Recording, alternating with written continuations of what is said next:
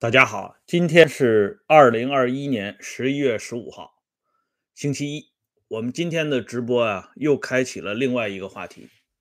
这个话题啊，有点从头说起的概念，因为大家都知道有一个黄埔军校啊，这个黄埔军校对现代中国影响太大了啊，而且黄埔军校诞生的年份。是公元一九二四年，啊，这个年份是什么概念呢？这个年份是咱们中国传统的鼠年，从公元一九零零年到公元二零二零年，这一百二十年，啊，看过来，凡是这鼠年，啊，咱们中国呢，都会发生一些翻天覆地的大变化，或者呢。处在历史转折关头，或者呢等待着大事情的发生，或者呢是迎接大事儿发生。哎，所以这个黄埔军校也不例外，它也是啊诞生于这个风起云涌的鼠年之际。那么当年啊，毛泽东曾经专门论述过一段非常精彩的话。他就讲这革命为什么能够胜利啊？因为这个革命胜利以后呢，一般来讲，这个主导革命的人都喜欢总结一下历史，然后呢，展望一下未来。即便是在封建时代也不例外啊。比如说汉高祖刘邦得了天下之后，就问手下的这些大臣，他就说：“你们来讲一讲，为什么我能够打败项羽？”夺取天下啊！底下人七嘴八舌的就开始讲，最后刘邦说出了汉三杰的名字：萧何、韩信啊，这三个人的名张良啊。那么毛泽东也说过，抓住三个权力，就等于抓稳了天下，革命就会取得了胜利。哪三大权力呢？第一是宣传，毛泽东解释的很清楚，什么叫宣传？就是让多数人相信，只有闹革命才能有翻身出头的日子，这就是宣传。那光宣传行吗？不行。如果要让啊。多数人把革命进行到底，那就要通过教育啊。有了宣传，有了教育，那么你就会有一批啊这个忠实的这个啊群众，这个没有问题。但是两手转空拳的群众仍然是不起任何作用的，所以要抓枪杆子。这样的话呢，就是三大权力。宣传、教育、军事，以后呢，这段话被演化成为党的建设、统一战线和武装斗争，啊，这是党的啊胜利的三大法宝的由来。什么叫党的建设呀？党的建设不就是组织教育吗？培训吗？啊，那什么叫统一战线？那不就是宣传吗？啊，武装斗争就不用说了。那自然是枪杆子、刀把子，对吧？哎，所以这个论述等于说总结了革命成功之路，而这三点啊，它实际上都有一个不可逾越的平台。换句话说呢，没有这么一个平台，没有这么一个坚实基础的烘托，这三点必然是空中楼阁。持续不了多久，宣传也好，教育也罢，啊，军事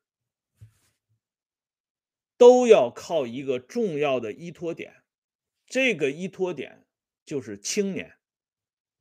哎，宣传主要面对的对象是青年，教育主要面对的对象也是青年，那抓军队就更不用说了。啊，像我这些啊，像我啊这样的中年油腻男，你说能参加军队吗？能跑吗？能打仗吗？那体力就跟不上，而且这个花岗岩的脑子啊，怎么宣传，怎么教育，估计呢也是油盐不进。哎，而且你能为了革命抛弃你现有的这个啊生活环境，抛弃家人，抛弃这个呃一点点啊，哪怕是一点点，不是特别多的这个储蓄，能吗？恐怕做不到。所以对你讲了也是白费唾沫啊。因此，这三大这个权力的核心点就是青年。不论是宣传还是教育还是军事斗争，这样的话呢，就引出了周恩来对青年的一番教育。哎，周恩来当年他在二十多岁的时候啊，二十六岁的时候就说过这样的话。他说：“青年的特点是什么？朝气蓬勃啊，热血澎湃，这个就不用说了。但另外一方面，喜欢戴高帽子，喜欢出风头，喜欢追逐功名，就是用我们今天讲，就是成功学嘛啊，喜欢成功，同时呢，喜欢进步。这四个喜欢，谁抓住了青年，谁就等于抓住了金权。啊，金钱和权力嘛，简称金权，谁就等于抓住了明天，就这么简单。而当年黄埔建军依靠的也就是这些啊热血青年。这黄埔建军呢有多重要？咱们看一下蒋介石晚年自己就说过这样的话啊，他自己经常讲。从黄埔建军、北伐胜利啊、国民革命等等等等一路啊过来，这黄埔建军可不仅仅是成就了蒋介石的名山事业，同时啊，也是劳动党打天下最大的资本啊。明清以降啊，就是明朝、清朝以来，能把这个武装。抓到个人手里的有几个成功的典范，尤其以晚清的曾国藩、左宗棠、李鸿章啊最为突出。因为明朝、清朝是中国历史上啊封建王朝当中中央集权统治最为成熟的两个朝代，首先收的就是军权。底下人是轻易抓不到枪杆子的，哎，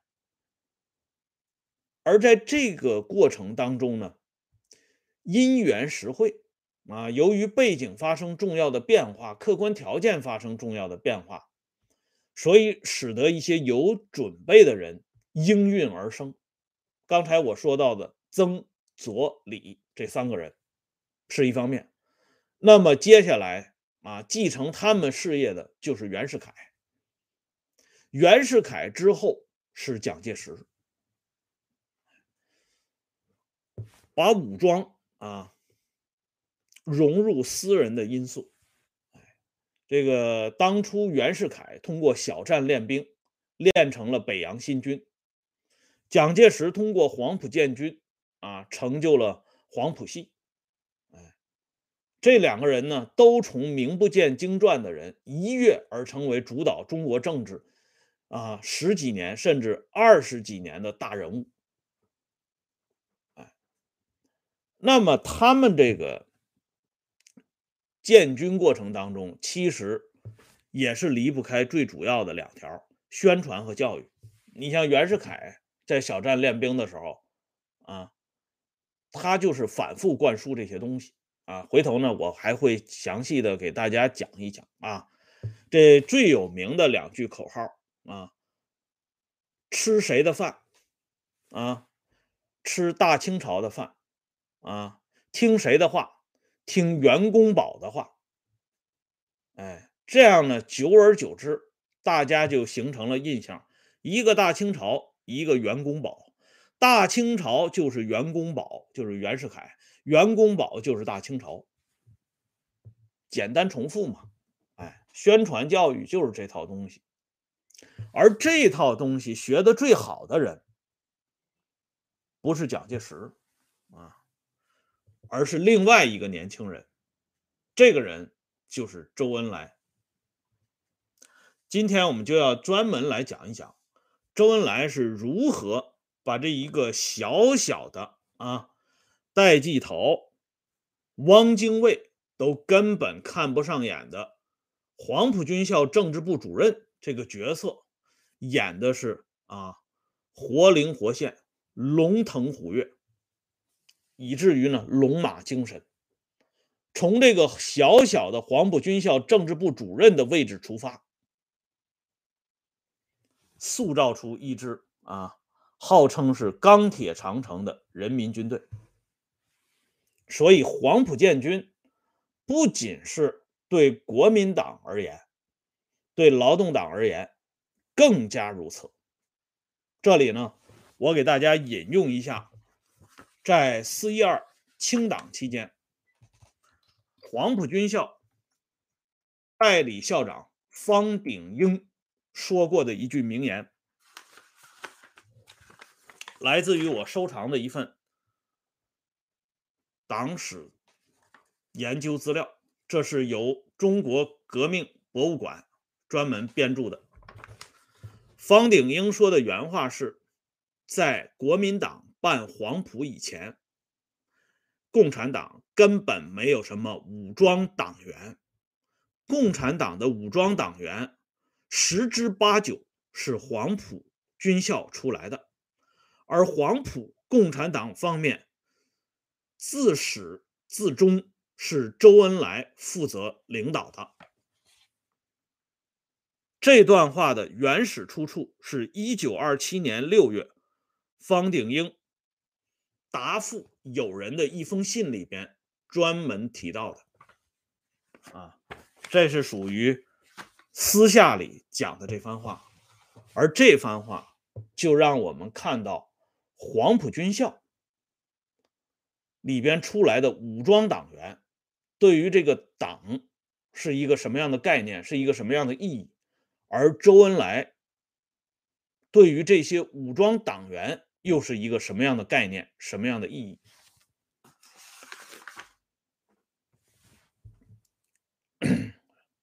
那么下边呢，我们再来看一份史料，这份史料很有意思啊，《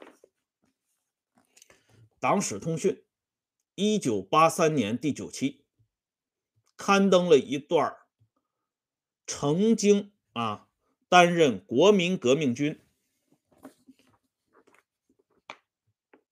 总司令部秘书长的邵力子先生，也是。黄埔军校政治部主任的邵力子先生在晚年的一段回忆，这段回忆为我们解读了黄埔建军的大的历史背景和国际背景。一九二六年七月，蒋介石就任国民革命军总司令，任命邵力子为总司令部秘书长。北伐之后。即委派邵力子代表中国国民党去莫斯科参加第三国际第七次执行委员会会议。蒋介石啊，对邵力子专门嘱咐说：如果啊邵力子能够见到斯大林的话，见到这个俄国啊实力派人物的话，请务必。转达蒋介石本人的一个重要希望，就是希望莫斯科直接来领导中国国民党的革命和工作，而不是通过中国共产党来间接领导中国国民党。邵力子呢，当时还啊，这个忍不住说了一句话。他说：“这个共产党是共产国际的直接组成分子啊，但是蒋介石不为所动，坚持要少利子把他的希望带给斯大林本人。那么少利子晚年的这段回忆啊，恰恰证实了，即便是中国国民党当时也是莫斯科手下的一个小卒子啊，这黄埔建军的本色就是啊，苏联。在中国寻求代理人啊，寻找白手套的过程，而黄埔军校能够开办，那是因为莫斯科给了中国国民党两百万元啊开办经费，大量的免费的武器弹药运送到广州来。即便是这样呢，黄埔军校一开始。想招收五百个学员，但是都没有招满。于是呢，程前把自己办的一个啊小规模的军校让了出来，啊，这样呢，把黄埔军校这个学生呢勉强啊拼凑到四百多人。因此，这个孙中山一开始是准备让程潜来担任黄埔军校的校长的。而不是蒋介石，因为程潜入的股份最大，哎，这革命嘛，就是讲这入股嘛，谁入的股份大，谁的山头就大，谁的话语权就大，哎，就在这个时候啊，莫斯科通过新生的这劳动党，向黄埔军校输入了一批骨干，其中。大家最为熟悉的，莫过于周恩来了。周恩来刚刚到黄埔军校的时候啊，仅仅是二十五六岁的一个青年人，他的职务也仅仅是政治教官。那么我们现在看一下啊，以往大家一直说这个周恩来啊。是受过这个莫斯科特殊培训的，这当然啊是事实，但是这个时间段要分清楚。周恩来一生啊，从一九二八年到六十年代中期，三十六年啊，十五次去莫斯科，但是这个起始时间大家看清楚，一九二八年五月份。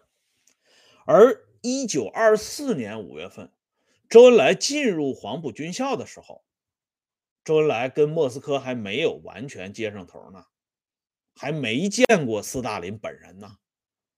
啊，虽然呢，鲍罗廷啊、加伦呢这些人了解周恩来，但不等于斯大林了解周恩来。而斯大林啊，我以前讲过，他在列宁生前担任。中央书记处总书记利用这么一个小小的书记处，盘活了一盘很大的棋，成为列宁身后啊率先打倒托洛茨基，成为另外一个领导核心的关键。那么，周恩来在黄埔军校与斯大林异曲同工啊，他利用政治部这个小小的棋子儿。吓活了整个黄埔军校这盘大棋。从东征到北伐，到南昌起义，到井冈山，到后边的一系列的军事活动当中，都有周恩来活跃的身影。所以咱们看一下啊，这个从一九二七年到一九四九年啊。人民军队的总参谋长一共由八个人担任过，而这八个人当中，除了彭德怀、啊滕代远这两个人跟周恩来的渊源啊比较浅以外，剩下的五个人啊，因为周恩来也是这八个人当中的一个啊，剩下的五个人。基本上都出自于周恩来的门下，或者是间接出自于周恩来的门下。这毛泽东不是有一句名言吗？他当年批评黄永胜的时候，不是说过吗？什么总参谋长，打起仗来，我就是总参谋长。可见革命战争时期这个总参谋长这个地位有多重要啊！而我刚才介绍的这几位总参谋长，跟周恩来的关系那就不用说了啊。那么刚才不是给大家介绍了一下黄埔建军的国际背景和历史背景吗？这里边呢，我们就顺便要提一下，当一九二七年四一二清党开始之后，斯大林是怒不可遏呀。这么说吧，国民党的第一代领导集体当中，啊，只有蒋介石是个明白人，孙中山也好。啊，这个廖仲恺也罢，这些人根本就搞不清楚苏联是一个什么样的概念。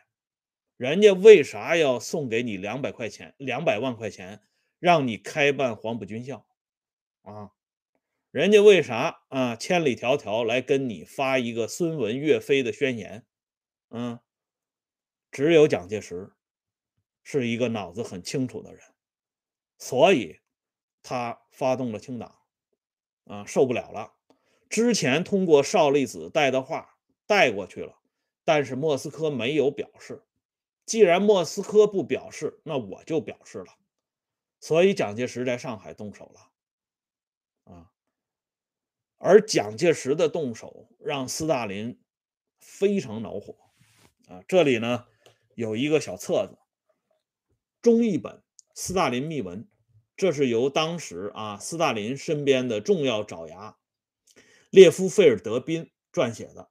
这个列夫·费尔德宾呢，他是这个莫斯科内务人民委员部的特派员啊。内务部呢，大家都知道，这是一个谈虎色变的这么一个机构，取自于啊当年的苏维埃的肃反委员会。这里呢，就讲述了1927年。蒋介石清党之后，斯大林的这种暴怒的态度非常恼火啊！